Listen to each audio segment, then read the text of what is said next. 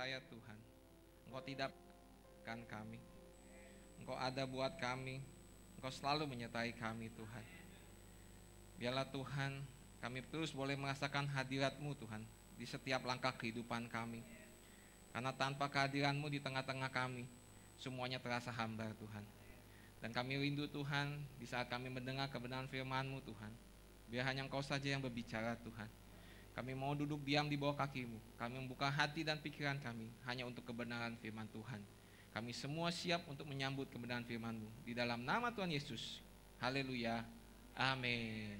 Silakan duduk Bapak Ibu. Shalom. Selamat sore. Oke. Puji Tuhan, hari ini kita sudah memasuki bulan Mei ya Bapak Ibu. Ya, nggak kerasa. Kayaknya baru kemarin kita merayakan Natal, sekarang kita udah di bulan kelima ya udah masuk pertengahan bulan depan udah lebaran ya. Bagi kita yang memakai pembantu atau asisten rumah tangga nanti kita akan bergumul kembali. Betul nggak? Ini pembantu balik lagi atau enggak gitu kan? Ya karyawan balik lagi atau enggak yang punya toko yang punya anak pakai pembantu itu yang mungkin jadi pergumulan kita. Tetapi kita percaya apa pun yang terjadi kita tetap move on. Amin? Tetap berjalan sama Tuhan. Nah di momen-momen kita saat ini Bapak Ibu sebenarnya kalau kita di dalam kekristenan ini waktu di mana hari-hari Tuhan sudah bangkit dari kematian dan sedang akan menuju naik ke surga. Betul nggak? Nanti kita akan merayakan kenaikan Tuhan Yesus di akhir bulan ya. Nah di momen-momen ini sebenarnya hari di mana kalau di Alkitab katakan Yesus menampakkan diri kepada muridnya. Betul ya? Ada yang di Emmaus ada yang di rumah yang tertutup. Betul nggak dan momen-momen ini banyak dipakai oleh uh, hamba Tuhan atau gereja untuk dipakai untuk ajak berdoa jemaatnya untuk ketemu Tuhan katanya. Saya rasa sih nggak masalah karena dipakai momen itu, walaupun memang Tuhan bisa ketemu kapan aja.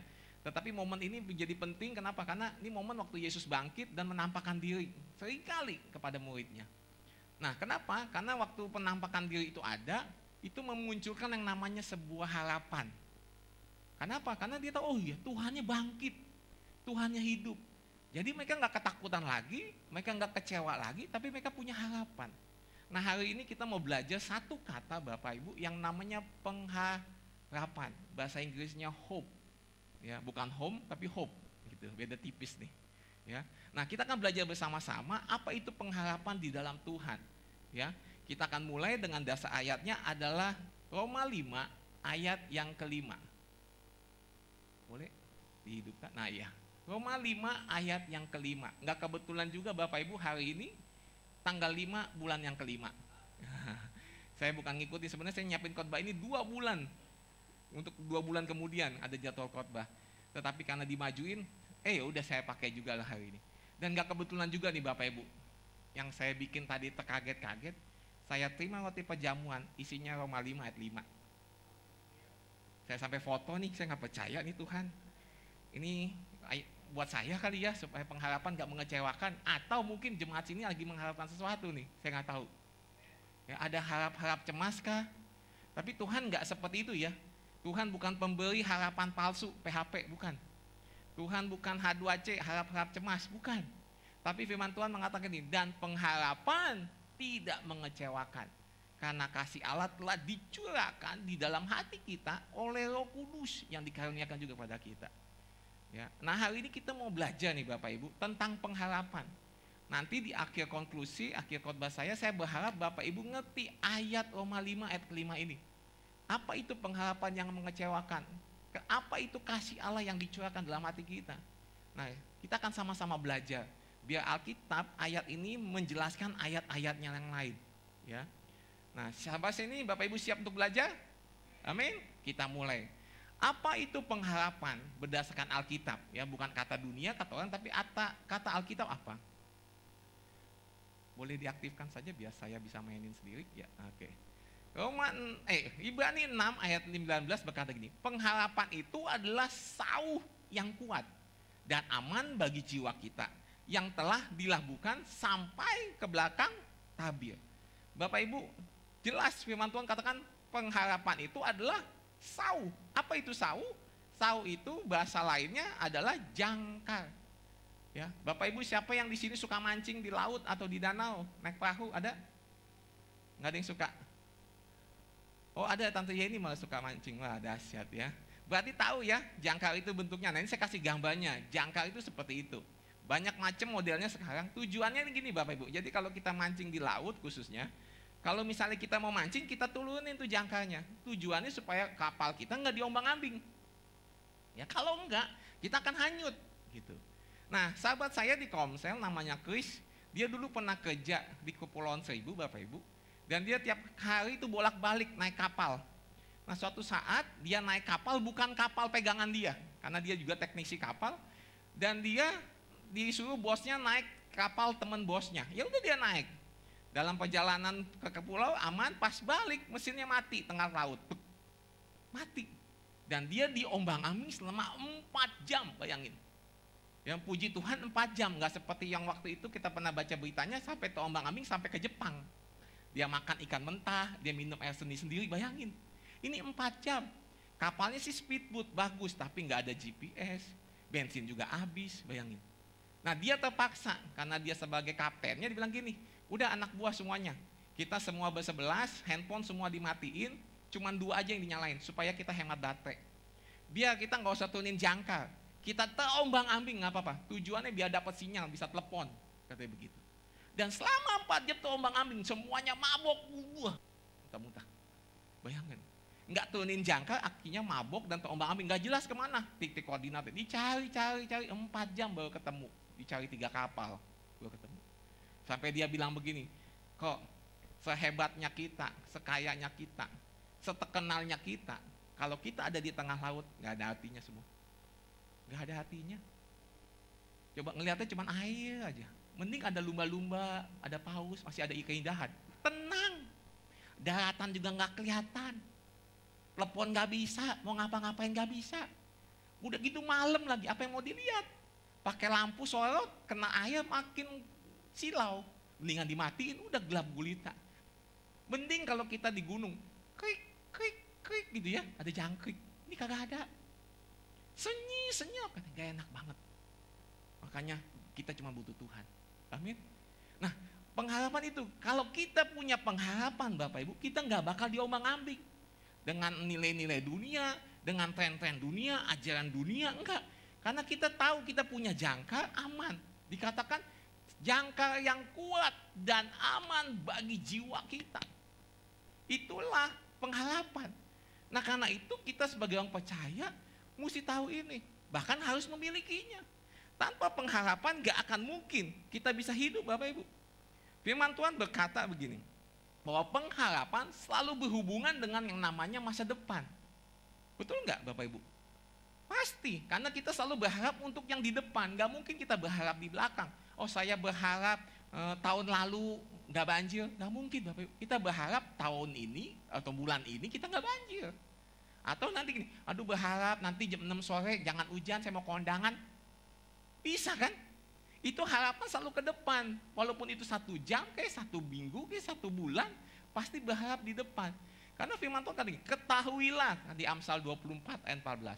Demikianlah hikmat untuk jiwamu. Jika engkau mendapatkannya, maka ada masa depan dan harapanmu tidak akan hilang. Ada harapan Bapak Ibu. Karena harapan itu bicara masa depan. Dan lagi, masih ada harapan untuk hari depanmu. Demikianlah firman Tuhan. Jadi harapan selalu berhubungan dengan depan. Jadi dengan ayat ini Bapak Ibu kita bisa bilang gini, harapan itu bisa juga kita definisikan atau kita artikan impian. Betul nggak?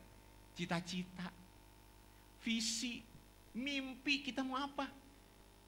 Itu kan ke depan. Memang belum kelihatan tapi nanti loh gitu. Itu harapan. Ya, saya ngomong sekarang secara umum dulu, nanti kita lihat makin lama makin dalam. Bagaimana harapan kita di dalam Tuhan. Nah, tapi kita mesti tahu, harapan itu berbicara ke depan. Dan kalau ngomong ke depan, jelas yang punya cuma satu Bapak Ibu. Yaitu orang hidup. Nih, pemilik pengharapan di dalam pengkhotbah 9 ayat 4 kata gini. Tetapi siapa yang termasuk orang hidup mempunyai harapan. Coba cek sebelah kiri kanan masih hidup nggak? Tes. Hidup nggak? Ya. Tanya, kalau hidup mah ada harapan. Karena selama kita hidup kita ada harapan Bapak Ibu. Beda dengan orang yang udah meninggal. Coba kalau kita misalnya ngelayat ke rumah duka dengan orang yang sudah meninggal di dalam peti, apa yang mau diharapkan? Makin terkaya kah dia? Nggak mungkin. Makin terkenal? Nggak juga. Dapat jodoh? Apalagi? Nggak mungkin. Ya. Tetapi orang hidup punya harapan. Orang hidup punya cita-cita. Jangan seperti orang dunia atau banyak juga orang Kristen seperti ini. Ya, hidup sih hidup, tapi kayak orang mati nggak punya harapan. Ujung-ujungnya seperti yang dipeluit, loncat. Oh iya ceritanya nggak lama kan? Loncat loh Bapak Ibu dan game over. Kenapa? Karena dia pikir dia nggak punya harapan. Nah, kita di dalam Tuhan punya harapan. Ya. Dan firman Tuhan jelas, siapa yang orang hidup, dia mempunyai harapan. Selama Bapak hidup, Ibu masih bernafas, masih hidup, masih ada harapan. Amin. Mau sakit kek, mau belum sukses kek, belum dapat jodoh kek, belum punya anak kek, masih ada harapan. Amin. Masih ada harapan. Karena selama kita hidup masih ada harapan. Itu aja. Masih ada harapan. Nah, ayat selanjutnya yang mana gini? Karena anjing yang hidup, eh, masih di situ tadi. Boleh kita balik lagi? Karena anjing yang hidup lebih baik daripada singa yang mati. Nah saya tanya nih Bapak Ibu, anjing sama singa kalau diadu menang mana? Singa, tapi bisa juga anjing kalau keroyokan ya. Kalau keroyokan nih. Tapi betul kalau satu lawan satu, betul singa pasti menang lawan anjing. Betul. Tetapi firman gini, anjing hidup lebih baik dibandingin singa mati. Lebih baik. Gak ada gunanya kok depan tinggal. Walaupun dia kuat, dia gede, teriaknya kenceng, talinya panjang. Nggak, nggak ada gunanya udah mati. Tapi anjing pudel masih lebih baik katanya. Apa yang kita bisa pelajari dari ayat ini Bapak Ibu? Mungkin pernikahan kita biasa aja. Nggak seperti Mbak Sally ini dengan pangerannya. Tapi kalau kita punya harapan, pernikahan kita hidup Bapak Ibu. Mungkin pelayanan kita biasa aja nih. Tetapi kalau kita punya mimpi, punya harapan, kita hidup. Mungkin bisnis kita biasa aja, bukan triliunan. Bukan apa istilahnya sekarang kalau Jokowi yang startup startup bisnis yang online online itu. Ya. Unicorn, ya. Mungkin kita bukan begitu loh. Ya. Tetapi kalau kita punya mimpi, punya cita-cita, kita punya harapan Bapak Ibu. Amin. Karena jelas, walaupun kecil, tapi punya harapan kita hidup. Pasti jalan. Prospek bisnis kita, keluarga kita harmonis, pelayanan kita bermaju. Itu. Yang penting punya harapan. Jangan gak punya harapan. Kalau nggak punya harapan semua jadi udah. Mau ngapain lagi? Selama kita hidup Bapak Ibu, pasti punya harapan. Walaupun kelihatan kata firman Tuhan ini benar-benar istilahnya agak kasar. Anjing yang hidup. Lebih baik dibandingin singa yang udah mati. Ya. Jadi kita yang hidup percayalah kita masih punya pengharapan. Dan semua orang di dunia ini harus pegang ini. Semua, bukan hanya orang Kristen. Karena saya masih ngomongin yang umum dulu nih Bapak. Semua. Kalau enggak, mereka akan loncat bener kayak tadi. Loncat udah nggak punya harapan. Ya, buat apa lagi hidup? Nggak ada yang diharapkan lagi. Lebih baik sudah selesaikan saja hidup ini katanya. Nah, sekarang kita lihat bagaimana prosesnya dari sebuah pengharapan. Ini penting. Nah ini dia. Roma 5 ayat 3 sampai 4 berkata demikian. Dan bukan hanya itu saja, kita malah bermegah juga dalam kesengsaraan kita. Nah Bapak Ibu jelas. Kita bermegah bukan karena kekayaan. Kita bermegah bukan karena ketenaran. Kita bukan bermegah karena kita punya kenalan pejabat. Bukan.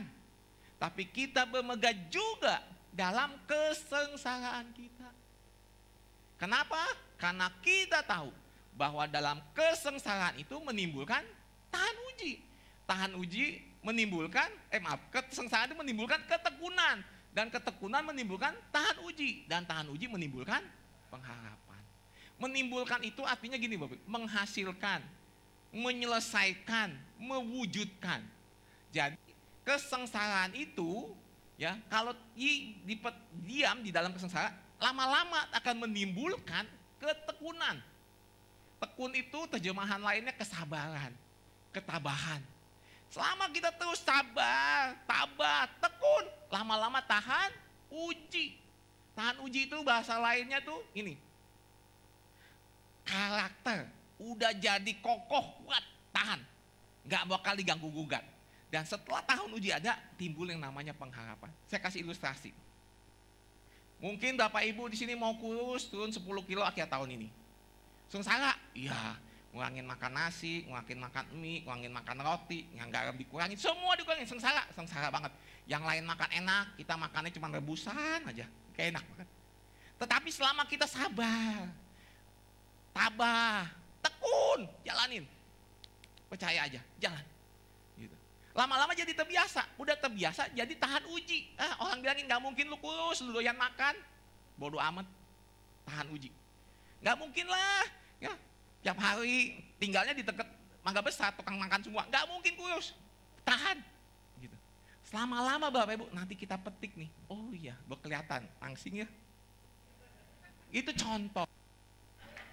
Contoh, misalnya Bapak Ibu pengen apa? Sembuh, sehat. Kan pasti nggak enak dulu. Aduh pengen sehat, mesti pasti mesti makan yang benar. Betul nggak? Nggak mungkin makan yang jorok.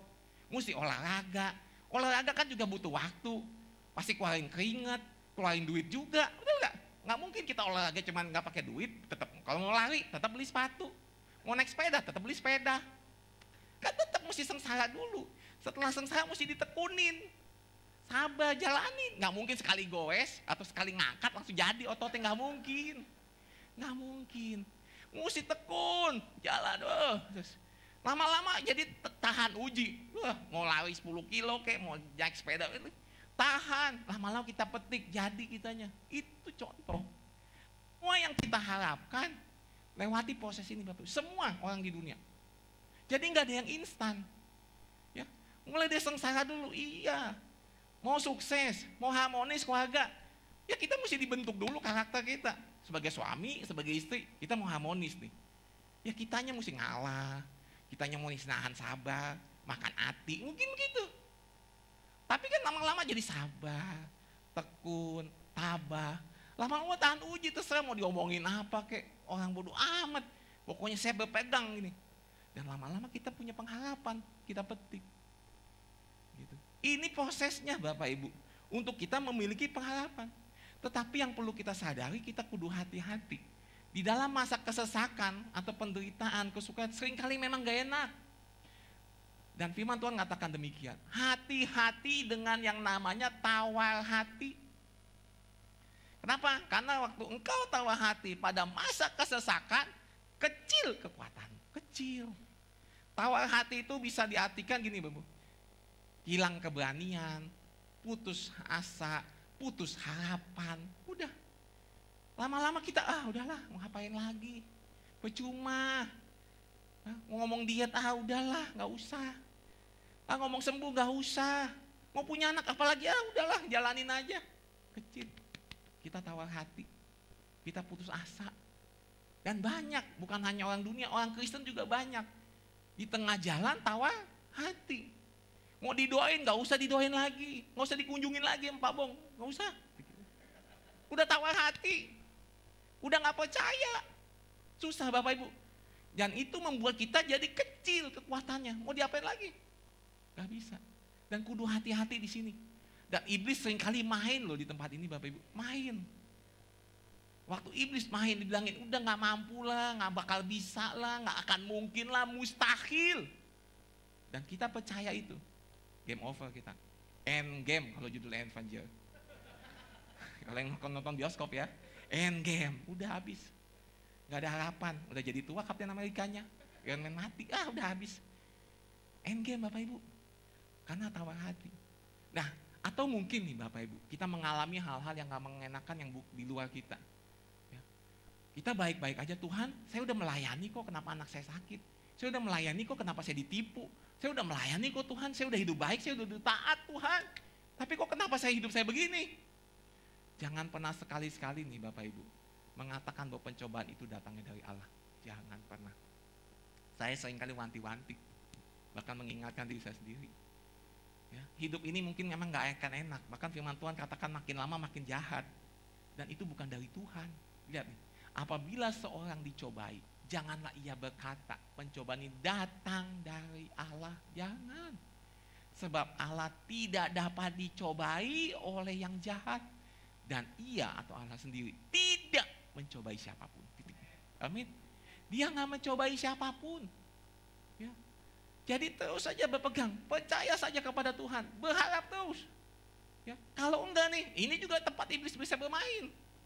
Ya tuh. Kalau kau memang anak Tuhan, kenapa kau dapat begini? Itu kerjaan iblis. Dan itu rumus lama Bapak Ibu sejak zaman Adam dan Hawa. Dan si setan kan bilang begini, bukankah Tuhan bilang nggak boleh makan semua pohon di taman ini? Ini gituin. Padahal kan semua boleh dimakan, cuma satu yang nggak boleh. Tapi diputar balik. Sama ini. Eh, gak mungkin lah Tuhan mau memberkati kamu, hidup kamu aja brengsek. Gak mungkin lah kamu dapat anak lah. Kelakuan kamu begitu kayak anak-anak. Itu iblis. Apakah kita percaya dengan perkataan itu? Atau kita pegang firman Tuhan? Atau kita udah jadi tawar hati, ya udahlah. Jalan yang gini aja. Atau enggak kita kawin lagi aja ya. Gitu. Karena kita udah tawar hati, kecil kekuatan kita Bapak Ibu. Dan kita harus hati-hati di tempat-tempat seperti ini. Hati-hati sekali. Kalau enggak berbahaya. Nah sekarang, bagaimana kita sebagai orang percaya? Ya. Ini semuanya berhubungan dengan semua orang di dunia ini. Semuanya ngalamin. Waktu ngalamin namanya pencobaan, waktu nama mau punya pengharapan, pasti melewati namanya kesesakan. Pasti melewati namanya ketekunan. Pasti melewati yang namanya tahan uji dulu, pasti. Nah sekarang gini, bedanya apa dengan kita orang percaya? Kan si kudu. Mesti tahu deh, nah ini dia Bapak Ibu. Kita mesti kudu tahu bahan dasarnya dari pengharapan. Karena beda bahan dasar, beda hasil. Beda Bapak Ibu, saya kasih contoh nih. Kalau Bapak, eh Bapak, Ibu-ibu deh yang suka bikin kue. Ini saya kasih ilustrasi yang paling simpel. Kalau kita bikin lontong, bahan dasarnya beras, betul nggak? Kalau bahan dasarnya kita ganti ketan, jadinya apa? Lemper, beda hasilnya. Itu jelas. Walaupun sama-sama dibungkus daun, sama-sama isinya ada ayam. Tapi kalau isinya bukan beras atau ketan, jadinya lempe. Udah gitu aja. Nah sekarang firman Tuhan katakan di Ibrani 11 ayat 1, iman adalah dasar dari segala sesuatu yang kita harapkan. Jadi bahan baku dari pengharapan kita adalah iman. Udah jelas. Jangan diganti yang lain Bapak Ibu. Jadi beda hasilnya loh. Ya, mungkin kelihatannya sama jenis makanan, betul. Sama-sama jenis pengharapan, betul. Tapi itu yang bukan kau kendaki. Bukan. Kita kendakinya lontong, kita bikin prosesnya mungkin sama kayak tadi.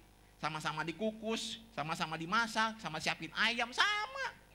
Tapi kalau bahan bakunya beda, hasilnya juga beda. Nah kalau kita mau punya pengharapan yang firman Tuhan tadi katakan di Roma 5 ayat 5, tidak mengecewakan. Bahan bakunya cuma satu, iman. Cuman itu aja, iman. Karena tanpa iman nggak akan mungkin kita punya pengharapan.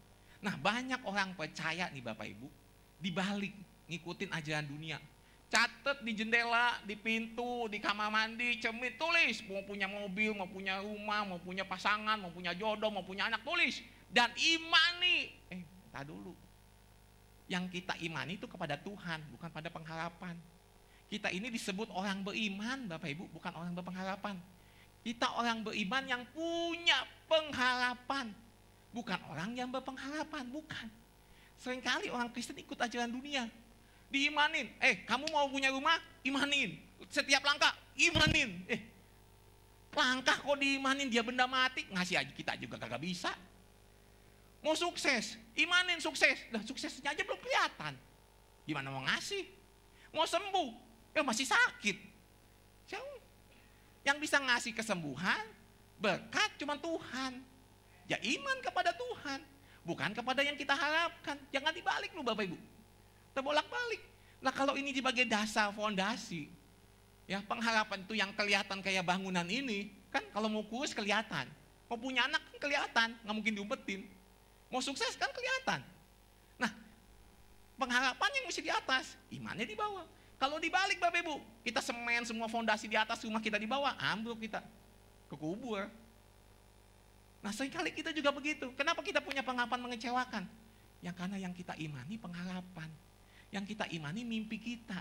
Yang kita imani cita-cita kita. Bukan iman kepada Tuhan. Padahal itu nggak akan bisa memberikan apa, itu mereka semua benda mati. Mereka sesuatu, bukan seseorang. Bukan.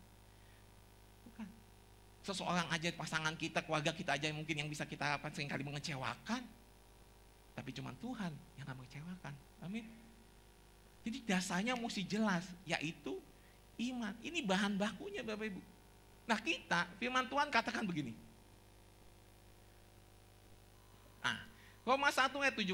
Sebab di dalamnya nyata kebenaran Allah yang bertolak dari iman dan memimpin kita kepada iman. Seperti ada tertulis, orang benar akan hidup oleh iman. Kita orang benar loh Bapak Ibu. Yang dibenarkan Tuhan bukan kebenaran kita, bukan. Kita hidup tuh oleh iman. Saya kasih contoh nih Bapak Ibu, saya sambil tanya. Bapak Ibu saya mau tanya, pada umumnya mobil itu hidup oleh bensin, betul? Truk itu pada umumnya hidup oleh solar. Kalau nggak ada bensin, mobil pasti mogok. Nggak ada solar, pasti truk mogok. Nah orang benar hidup oleh iman.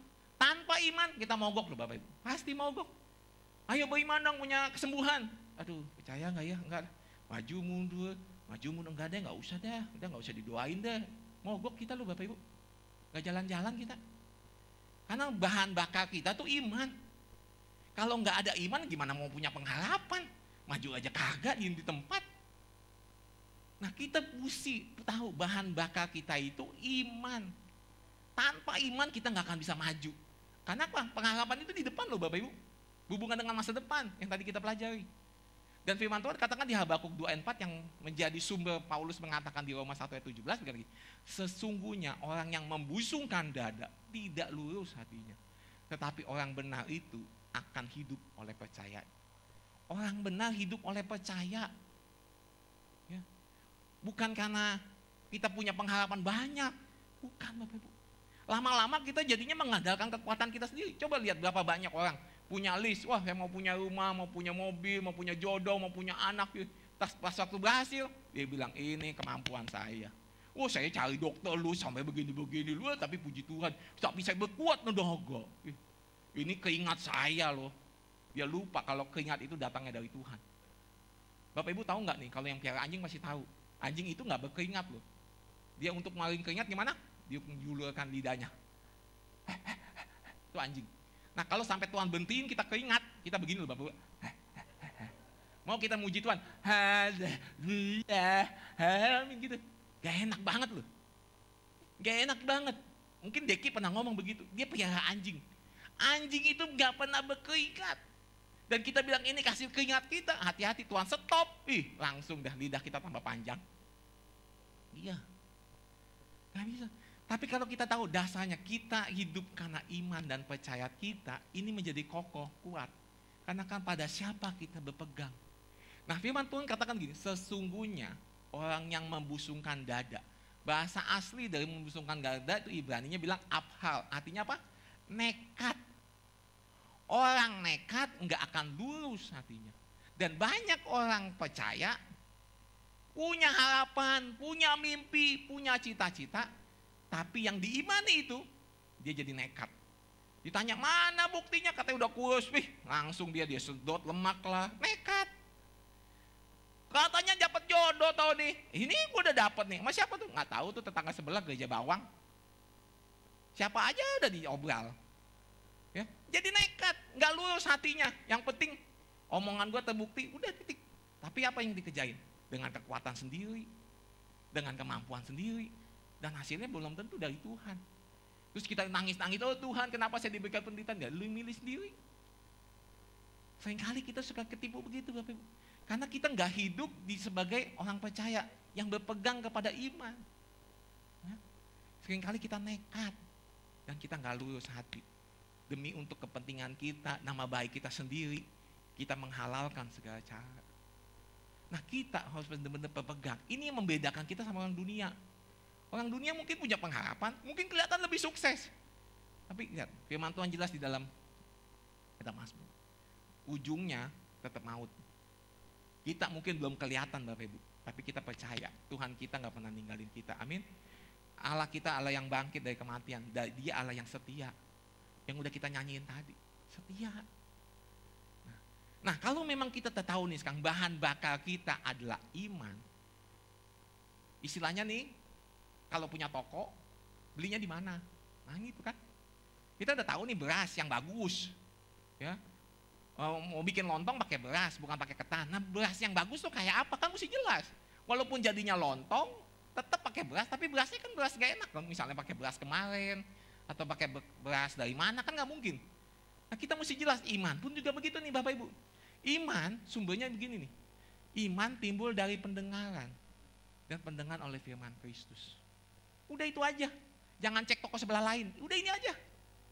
Kalau engkau cari ke toko sebelah, bukan yang ini, mungkin sama iman, tapi bukan. Seringkali anak Tuhan bilang gini, woi saya beriman, kata hamba Tuhan itu. Kamu kata hamba Tuhan atau kata Tuhan, itu beda tipis loh Bapak Ibu. Lebih percaya kata omongan pendeta atau ngomongan Tuhan. Ya. Banyak anak Tuhan datang-datang, aduh mau konseling, konseling. Ditanya, sering baca Alkitab? Enggak, ya ngapain kamu ke sini? Lihat Tuhan aja kamu kagak dengar, apalagi saya. Jelas, mau konseling tapi nggak pernah baca Alkitab. Ya, terus dengerin kata pendeta, Jangan Bapak Ibu. Lebih baik gini gembala-gembala sel. Tanya kalau yang mau konseling, udah baca Alkitab belum? Belum, baca Alkitab dulu. Lah Alkitab aja kamu kagak baca, kagak pernah dengerin suara Tuhan. Kamu mau dengerin saya? Saya lebih baik begitu, baca Alkitab dulu. Ya dong, itu logis bagi saya. Kenapa? Kamu mau cari pendapat saya. Nah sering kali gini, orang konseling itu cuma dua. Cari kebenaran atau cari pembenaran. Dan dia sering kali nyari pembenaran. Saya mau dibenari, pasangan saya yang salah, anak saya yang salah, orang itu yang salah. Dan dia cari pembelaan. Nah kita jadi tempat buang sampah, kan gitu. Nah sekarang gini, baca firman dulu deh Bapak Ibu, nih ayatnya saya kasih ya. Untuk ngurus anak kek, ngurusin suami kek, tentang keuangan, ini ayatnya. Coba direnungin dulu. Nanti setelah direnungin, nanti kita diskusi lagi. Lebih enak. Nanti kalau Tuhan yang ngomong lebih jelas dibandingin saya. Ya saya tahu, misalnya saya nggak tahu soal keuangan, saya nggak tahu soal yang lain, tapi Tuhan yang ngomong pasti jelas. Nah karena itu iman ini mesti jelas Bapak Ibu. Jangan cek toko sebelah, cek firman Tuhan. Nah firman Kristus apa itu? Kalau saya cek nih Bapak Ibu, firman itu artinya rema. Kristus itu artinya diurapi. Rema itu artinya tuh diucapkan, perkataan yang diurapi. Gitu. Nah ini mesti diperjelas nih Bapak Ibu, supaya jangan sampai salah. Iman itu timbul bukan karena firman yang tertulis, Bukan. Firman tertulis itu bahasanya artinya logos. Tetapi ini saya mau kasih tahu nih Bapak Ibu, sering kali kita dengar kan, biarlah firman yang logos itu menjadi rema. Betul nggak? Bet Tetapi menurut saya nih, tingkatannya itu sebenarnya, atau mungkin bahasa tepatnya begini, karena tadi sudah dikoreksi. Logos sama rema itu beda. Bukan berarti ini rema lebih baik atau logos lebih tinggi. Ya, jadi gini, rema itu cuma sekedar ucapan. Kalau misalnya nggak pakai Kristus ya Bapak Ibu, firman atau rema. Itu ucapan, perkataan to. Ya, kalau logos itu yang tertulis. Hasil pemikiran sedemikian rupa. Seperti firman Tuhan yang tertulis kita pegang di Alkitab, itu ilham roh kudus, itu logos. Jadi ini penting Bapak Ibu. Nah kalau dibandingkan begini, Bapak Ibu lebih percaya bulan bulat, eh bumi bulat atau bumi datar? Katanya. Hah? Kenapa kita percaya bumi bulat? Karena ada penelitiannya, betul nggak? Ada orang astronot pergi ke sana, terus dia bikin buku, jelas. Bumi itu bulat, bukan katanya, bumi itu datar. Itu katanya loh, Bapak itu rema, ngomongan orang doang. Eh, bumi itu datar. Terus kita lebih percaya dengan bandingan penelitian. Mungkin dengan biaya triliunan dolar. Wih, aneh kita. Atau kita percaya, lebih percaya kata orang, ayam berkokok, tiga kali setiap pagi atau berdasarkan penelitian ayam kokok cukup satu kali tiap pagi. Ya tentu kita lebih percaya penelitian loh. Makanya ada begini, biologos atau gantinya biologi, antropologos antropologi, teologos atau teologi. Kenapa logos itu penting? Logos itu yang hasil pemikiran dan penelitian Bapak Ibu. Nah, kalau ini gak ada Kristusnya, cuma sekedar perkataan, itu cuma katanya. Katanya. Katanya Tuhan memberkati. Katanya Tuhan menyembuhkan. Katanya Tuhan menyelamatkan. Tapi kalau bukan firman yang diurapi Bapak Ibu, percuma kita. Nah maksud ini gini, iman itu timbul dari pendengar, waktu pendengaran itu benar-benar firman yang diurapi. Enggak sekedar cuma katanya. Jadi benar-benar pewahyuan untuk dirimu sendiri. Beda misalnya, saya kok berdoa, saya dapat pewahyuannya kesembuhan. Terus saya lihat, wah si Harry enak banget. Dapatnya kelimpahan. Oh Tuhan saya mau kayak dia dong. Eh nggak bisa loh Bapak. Nunggu pewahyuan Tuhan dulu. Jangan untuk kita minta dia, enggak. Beda setiap orang beda pewahyuan dan beda jalannya. Coba sini Bapak Ibu, mau nggak seperti yang namanya Yusuf?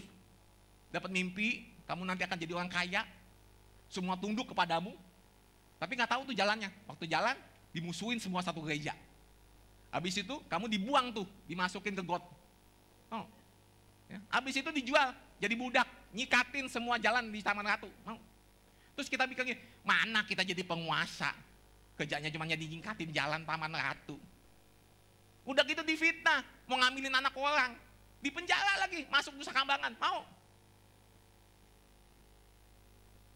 Gak ada yang mau Bapak Ibu.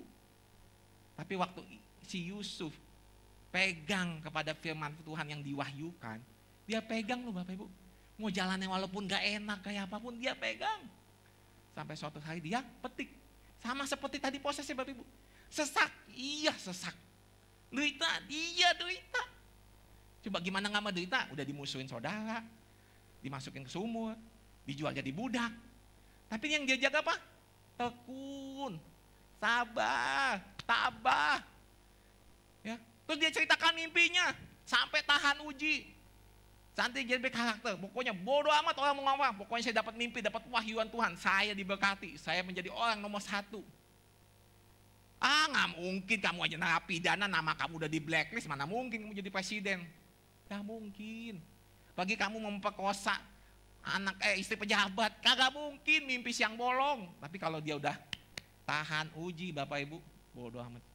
Cuman pegang pewahyuan Tuhan. Ini iman yang punya pengharapan. Dan sebentar lagi dia petik. Contoh lain, kitab Abraham dia dapat pewahyuan dari Tuhan, kamu akan dapat anak. Usia 75 tahun. Mau dapat anak dari mana? Sesak? Iya sesak pasti. Sulit, sulit Bapak Ibu. Dia udah coba mungkin segala macam herbal, segala macam cara. Nggak jadi-jadi. Nunggu 25 tahun, coba bayangin. Sesak gak dia? Wah sesak. Dia juga masuk ketekunan, sabar, tabah. Sampai apa masuk tahan uji. Orang saya dapat mimpi dari Tuhan, saya punya anak. Ah, ngimpi kamu, gigi aja kagak punya, mau punya anak. Mungkin dihina loh. Tapi dia tabah, sabar, tahan uji. Bodoh amat orang mau ngomong apa. Pokoknya saya pegang mimpi dari Tuhan, pewahyuan dari Tuhan. Akhirnya dia petik tuh.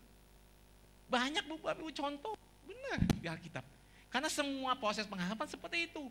Tetapi yang bedain ini, kita punya iman. Dan jangan cek toko sebelah, mesti dapat wahyuan. Kalau enggak bahaya. Nah lewat apa sebenarnya?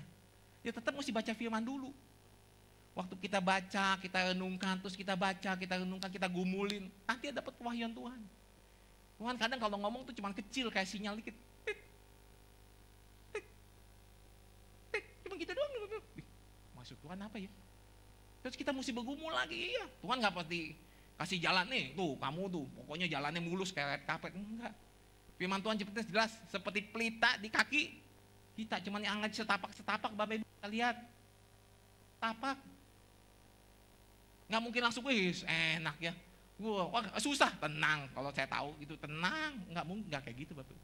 Yusuf nggak tahu loh. Dia teman-teman mimpi, dia jadi penguasa. Orang pada nyembah dia. Tapi waktu dia lalui berpuluh-puluh tahun. Kagak enak tuh. Kagak enak. Nah ini yang membuat kita punya pengharapan yang nggak mengecewakan.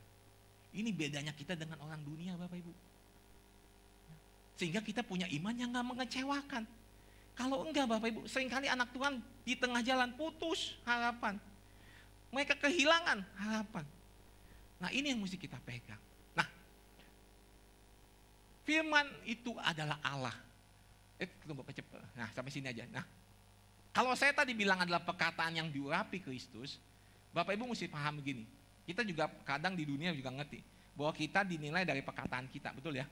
Contoh, sebagai laki-laki kalau kita udah berjanji atau seorang suami atau seorang ayah, kita berjanji kita harus tepatin. Karena kita dinilai berdasarkan perkataan kita. Begitu juga Tuhan kita. Dia udah berjanji, dia pasti tepatin. Karena dia Allah yang setia. Nah, kita kudu tahu nih, karena itu jelas firman itu adalah Allah sendiri. Perkataannya dia adalah perkataan Allah sendiri, Bapak Ibu. Jadi iman tuh timbul sebenarnya dari mana yang jelas? Yang pasti cuma dari Tuhan, udah. Karena iman itu buatan Tuhan, bukan buatan kita. Kita mau dapat sumbernya, bahan bakarnya itu datangnya daripada Tuhan, bukan yang lain. Lewat apa salah satu? Firman Tuhan. Waktu kita berdoa dan menyembah Tuhan. Tapi jelas kita sedang mencari apa? Tuhan. Jangan kita baca firman, cuma cari yang kita harapkan, tapi kita lupa ketemu Tuhannya. Seringkali anak Tuhan kita mau sering rajin berdoa. Tujuannya supaya dapat apa yang kita doakan. Tapi sering kali lupa nggak ketemu sama Tuhannya. Kita sering kali pelayanan, ngejakan segala banyak hal demi kebekerjaan Tuhan, tapi di dalam pelayanan nggak pernah ketemu yang namanya Tuhan. Yang perlu kita kejar siapa Tuhan kita Bapak Ibu. Kenal nggak dengan Tuhan kita? Ada satu ayat nih di dalam Ulangan 32 ayat 3 sampai 4 nih Bapak Ibu. Yang menjelaskan definisi Tuhan yang sangat menarik. Sebab nama Tuhan akan kusuruhkan. Berilah hormat kepada Allah kita, gunung batu yang pekerjaannya sempurna. Karena segala jalannya adil. Allah yang setia dan tiada kecurangan. Adil dan benarlah dia. Inilah Tuhan kita yang perlu kita kenal. Dia yang berfirman, firman yang diurapi itu. Inilah karakter dia. Dia sempurna, dia adil, dia setia, dia benar. Ya, ini yang harus kita percaya sungguh-sungguh dalam Tuhan. Allah kita dikatakan tiada curang. Dia nggak pernah curang dan nggak akan bisa curang. Saya mungkin nggak akan pernah curang, tapi saya bisa curang. Karena saya manusia. Allah kita itu nggak akan pernah bisa curang dan nggak pernah mau curang. Karena dia Allah yang adil buat kita. Nah kalau tadi kita nyanyain Tuhan Yesus baik, pertanyaan saya nih Bapak Ibu, apa itu baik? Hmm? Kalau anak kecil baik, ah lucu ya taat, kita tahu. Tapi kalau kita bilang Tuhan itu baik buat Bapak Ibu dan saudara sekalian, apa itu baik? Jangan sekedar kita bilang Tuhan itu baik, ya baiknya apa ya? Oh dia udah mati, sok, udah mati sowan. Apa yang kamu kenal? Apa yang Bapak Ibu kenal dengan Allah? Saya kasih sebuah definisi nih Bapak Ibu. Bahwa Allah itu baik apa. Supaya setiap kali Bapak Ibu nyanyi dan berkata Tuhan itu baik. Bapak Ibu tahu arti ini. Yang pertama, B itu adalah benar. Allah itu nggak bisa curang. Allah itu nggak bisa salah. Allah itu nggak bisa nggak setia. Dia selalu benar, dia selalu setia, dia selalu berikan yang terbaik buat kita. Amin. Itu B, baik dari yang pertama B, benar.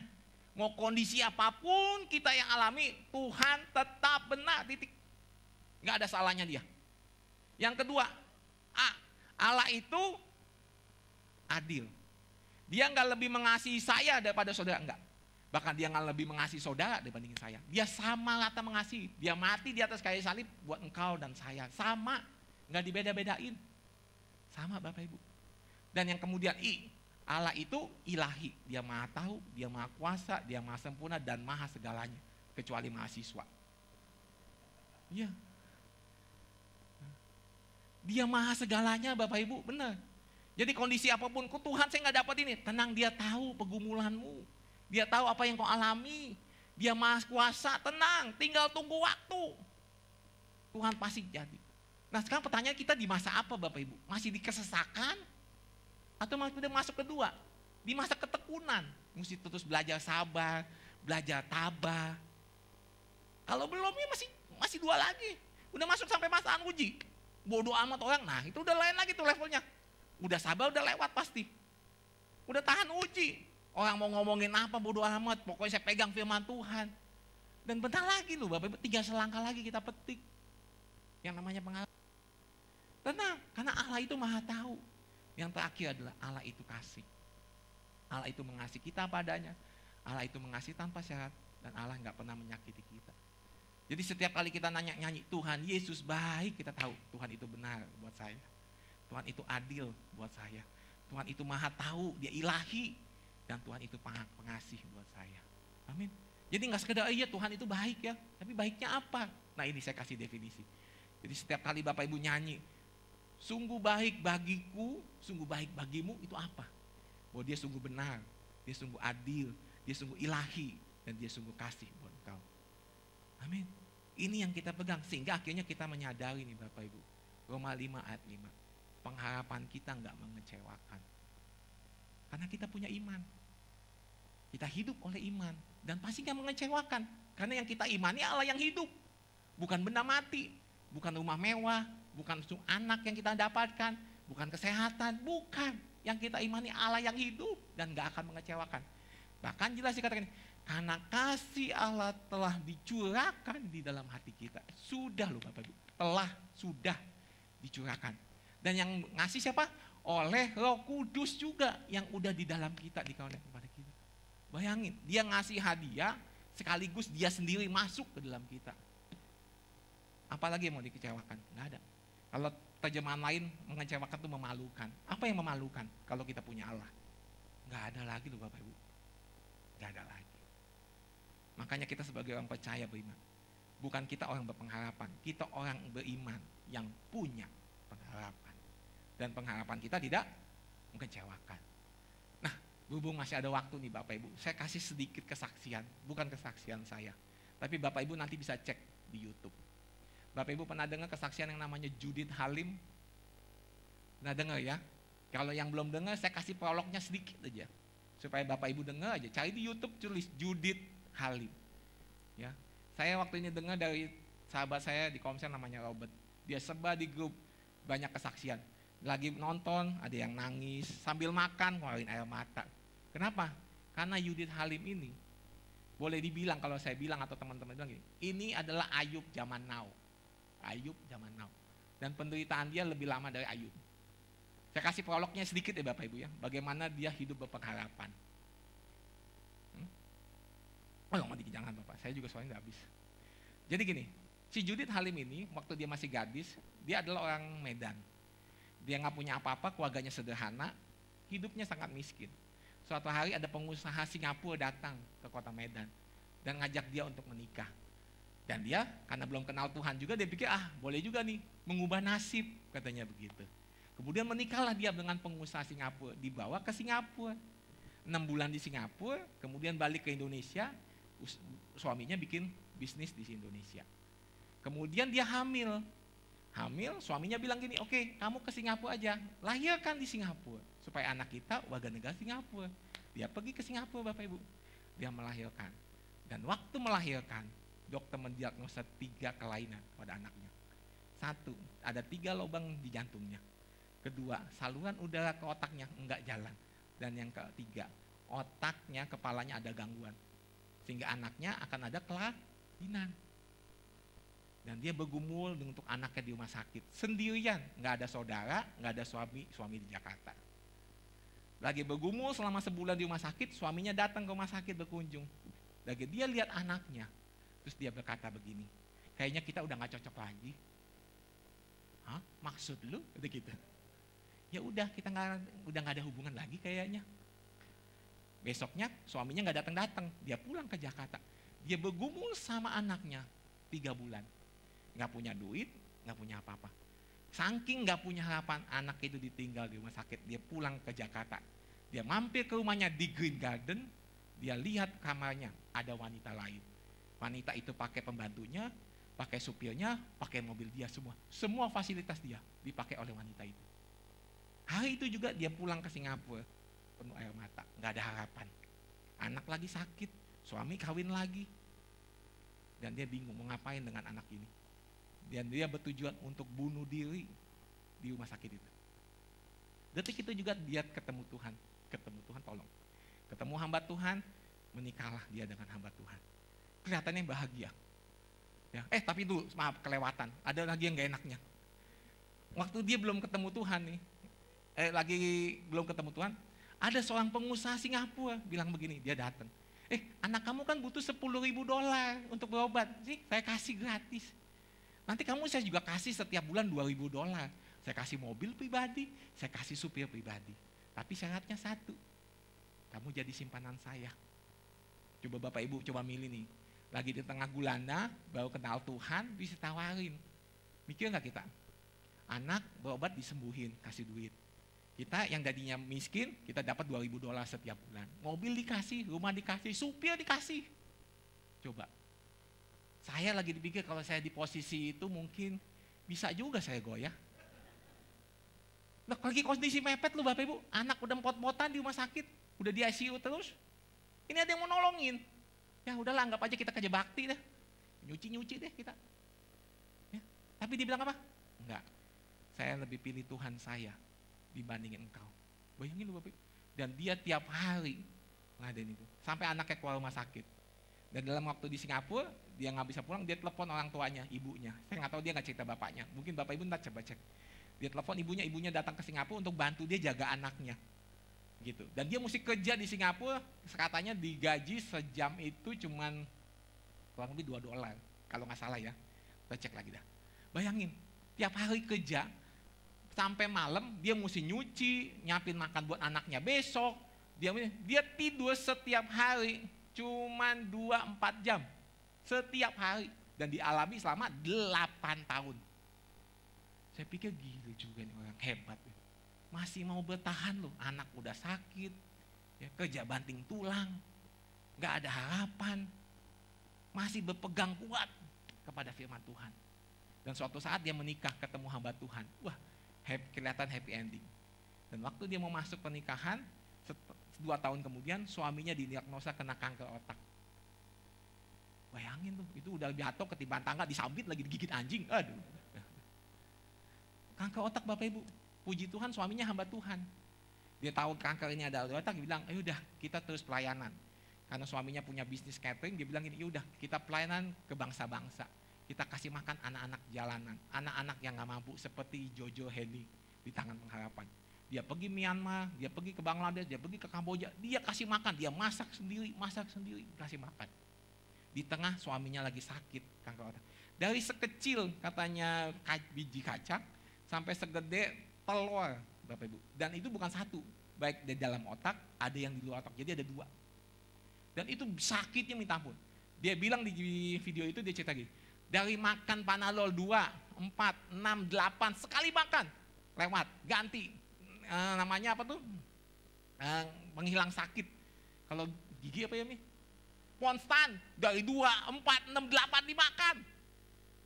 Lewat, akhirnya apa? Dia mesti makan morfin untuk menghilangkan sakit di kepala. Sakit. Suatu saat dia cerita begini, waktu lagi masak, suaminya untuk anak-anak, dia sakit. Terus sampai ke, eh kelopak matanya turun, jatuh, kelopak mata lu Bapak Ibu, bayangin nih, ini lembut banget nih kalau sampai jatuh, berarti ini udah kendor banget. Lebih-lebih dari nenek-nenek satu tahun kali. Bener lu dia cerita jatuh. Ya udah terus dia tumpang tangan Tuhan doa. Dalam Tuhan saya masih bersyukur dalam kondisi begini saya tetap melayani Tuhan. Besoknya dia bangun, hilang kelopaknya. Eh naik lagi. Dia datang ke dokter mata cek. Dok, coba cek suami saya, matanya kemarin kelopaknya turun. Dokter sampai bingung dia mana ada buktinya turun. Itu bagus bu, kalau udah turun nggak mungkin naik kaki bu, dia udah kendor. Nah ini buktinya, ah ibu makanya udah mendingan pulang aja. Mujizat Tuhan yang pertama. Tapi sakit, masih sakit bapak ibu, masih. Lagi motong-motong juga terus kemudian dia sampai keluar darah dari telinga hidungnya. Suaminya cuma berlutut di pojokan ruang katakan, Tuhan terima kasih dalam kondisi ini saya tetap melayani Tuhan. Udah so anak sakit, anak kelainan, suami begini lagi, coba habis berapa duit coba. Aduh, saya sih bingung. Dan itu berapa tahun? Wih, hampir 10 tahun katanya. Ngejalanin bersama suami seperti itu. Saya bilang, waduh kuat juga dia. 18 tahun loh. Kalau ayah berapa tahun? 10 tahun ya, tahu saya. Ya, hilang semua, harta juga hilang, duit juga hilang. Gak punya apa-apa, ini juga sama. Ini lebih-lebih dari Ayub loh, zaman now. Gitu. Sampai suatu hari akhir cerita nih Bapak Ibu. Di rumah sakit dia udah gak kuat lagi dimasukin ke rumah sakit, masuk ICU tergeletak karena kankernya otaknya udah menjala, jadi udah nggak bisa jalan, keseimbangannya udah hilang. Semua udah berdarah, mata berdarah, telinga berdarah, semua berdarah. Masukin ke masa ICU. Waktu di Danjang, si Judithnya lagi nunggu katanya. Kemudian dia coba menghampiri suaminya. Eh, maaf. Waktu dia ada di situ, suaminya bergetar, goncang, duduk duduk duduk duduk duduk duduk. Ranjang sampai goncang semua. Dia bingung kan, dia hampiri suaminya. Waktu dia hampiri dia merasakan hadirat Tuhan katanya. Menurut cerita dia. Dan waktu di hadirat Tuhan itu dia cuma bisa berlutut. Dan cuma satu kata ini yang bisa keluar di hadirat Tuhan. Tuhan terima kasih. Udah, dia nggak minta kesembuhan buat suaminya. Dan dia bilang begini, karena memang di hadirat Tuhan, kita nggak akan mungkin bisa minta apa-apa. Cuma bisa bilang, Tuhan, terima kasih. Udah gitu aja. Itu hadirat Tuhan yang sesungguhnya. Katanya. Kalau engkau masih di hadirat Tuhan, masih minta ini, itu, ini, itu, itu hadiratmu, bukan hadirat Tuhan. Gitu ya. Ih bener juga loh, logis loh. Lo kalau mau di hadapan Tuhan mau ngapain lagi sih? Udah gak ada apa-apanya kita telanjang. Dan kalau bisa ketemu Tuhan, Tuhan terima kasih, terima kasih. Dan kemudian dia bangun, dia ketiduran. Suaminya diam. Besok pagi, suster datang, katanya. Kucuk-kucuk bangun. Langsung bangun deh, hei mana suami kamu? Hah, dia juga kaget kan. Mana suami saya? Oh diranjang gak ada, apa udah pengangkatan katanya dia bilang gitu. Itu cerita dia nih beneran, nonton deh bener. Saya sama juga nangis. Terus sampai itu, eh suaminya dari kamar mandi keluar mendadak, ditengok. Ada apa ribut-ribut? Nah, susahnya udah kaget. Loh, kok kamu bisa jalan? Ya, nggak tahu ya. Lo tadi pagi saya bangun, udah melek. Saya nggak merasakan sakit, katanya. Kemudian, ya coba berdiri. Ya saya bangun, eh saya bisa duduk. Saya coba turun, eh bisa berdiri. Ya badan saya panas, keringetan, ya saya mandi. Udah gitu aja. Susahnya bilang, gila kamu, duduk lagi, masuk ke kamar, pasang lagi infusnya. Bayangin begitu. Coba cepet dokter katanya. Nggak mungkin oh, udah kanker udah dua segede telur, kamu bisa sembuh? Dokter semua cek. Ini dokter profesor Bapak Ibu yang udah nanganin setiap tahun 100 operasi kanker katanya. Dia sampai cek lagi. Enggak ada katanya. Dan hari itu juga dia dijamah Tuhan. Sembuh. Sembuh. Waduh. Nah saya berharap nih, ini jadi pengharapan kita. Bukan karena kesaksian orang Bapak Ibu, bukan. Saya nggak tahu mungkin Bapak Ibu lagi bergumul untuk kesehatan. Mungkin kau lagi mengalami sakit Engkau pengen punya jodoh, engkau pengen punya anak, engkau pengen punya anak mantu, apa pun itu Bapak Ibu. Dasarnya cuma satu iman, percaya kepada Tuhan. Ya, tanpa itu percuma Bapak Ibu akan mengecewakan. Pasti mengecewakan. Karena mereka nggak akan bisa memberikan apa, mereka itu sesuatu. Bukan seseorang yang di atas sana, yang tinggal di dalam kita, yang kasihnya udah dicurahkan dan bahkan tinggal di kita. Kalau kita berpengharapan di dalam Tuhan, kita punya pengharapan yang nggak kecewa. Amin. Mari saya undang pemain musik, well singer untuk maju ke depan. Kita akan berdoa Bapak Ibu, kita tundukkan kepala.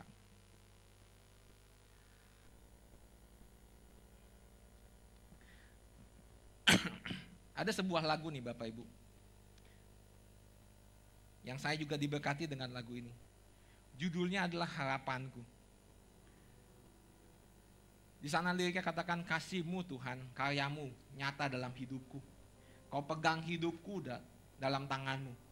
Darahmu dan salibmu yang menebus hidupku. Namamu berkuasa, sanggup membangkitkan. Harapanku hanya di dalammu. Hanya kau Yesus Tuhan, kekuatanku. Ku percaya dan ku aman ada di dalammu. Mari Bapak Ibu, biarlah lagu ini menjadi doa kita di hadapan Tuhan. Amin. Di dalammu. Ya Tuhan. Hanya kau Yesus Tuhanku Ku percaya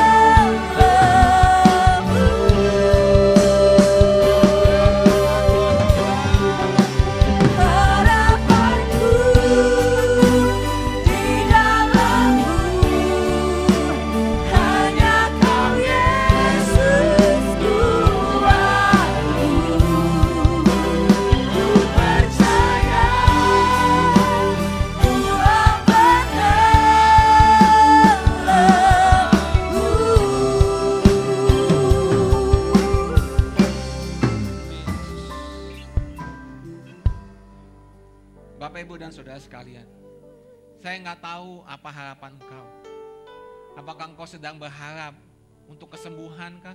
Baik itu dari anakmu, keluargamu, pasanganmu, atau siapa pun. Atau engkau sedang berharap untuk mendapatkan pasangan hidup, jodoh. Atau engkau sedang berharap untuk kesembuhan dari sakit penyakitmu. Firman Tuhan dan lagu mengatakan harapan kita ada di dalam Tuhan. Itu ya adalah pengharapan yang gak mengecewakan. Di saat kita berharap dengan iman kepada Yesus. Suatu saat nanti Bapak Ibu, kita akan memetik pengharapan itu. Hari ini, mari datang pribadi kepada Tuhan. Kalau engkau selama ini sedang berharap dan seakan-akan belum melihat karena engkau masih di dalam masa-masa kesesakan itu. Bilang kepada Tuhan, Tuhan saya akan bertahan. Saya akan tekun. Saya akan terus menjadi orang yang sabar menanggung segala penderitaan ini. Waktu engkau sudah belajar sabar, Bapak Ibu dan Saudara sekalian. Terus bertahan. Sampai engkau menjadi masuk masa yang namanya tahan uji. Engkau menjadi orang yang kuat. Engkau orang yang jadi berpendirian teguh di dalam firman Tuhan. Dan tidak akan tergoyahkan. Bahkan engkau sampai bisa berkata kepada Tuhan, kalau sampai di detik hidup ini saya belum melihat apa yang saya dapat, saya tetap berpegang kepada nama Tuhan dan tidak akan pernah menyalahkan Tuhan. Bahwa engkau tetap benar, engkau tetap adil, engkau tetap ilahi, bahwa engkau tetap mengasihi saya. Itulah kekalahan uji Bapak. Dan waktu engkau memiliki iman dan karakter seperti itu, sebentar lagi mujizat akan terjadi. Karena itu Bapak Ibu, ayo datang kepada Tuhan. Kalau engkau pernah beriman dengan pengharapanmu, bertobatlah. Karena pengharapan kita nggak akan bisa memberikan apa-apa. Hanya Tuhan yang bisa memberikan pengharapan buat kita. Bapak yang aku sembah di dalam nama Tuhan Yesus. Hari ini kami sudah sama-sama belajar Tuhan. Bahwa kami adalah orang beriman yang punya pengharapan. Kami bukan orang berpengharapan, tapi kami adalah orang beriman. Kehidupan kami bisa berjalan karena iman, bukan karena harapan. Karena itu Tuhan, biarlah kami boleh mendapatkan sumber yang tepat dari iman kami, yaitu firman Kristus. Biar ada pewahyuan di setiap kami Tuhan, setiap harinya.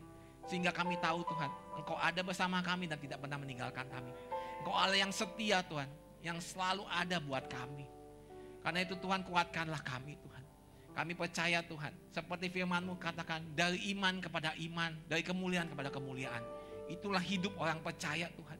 Waktu kami beriman dan kami punya pengharapan, maka nama Tuhan akan dipemuliakan lewat kehidupan kami. Sehingga kami boleh bermegah di dalam kesengsaraan kami. Bahwa kami punya Allah yang setia. Memberkati jemaat di tempat ini Tuhan Yesus. Biar firman ini terus bekerja di dalam kehidupan mereka.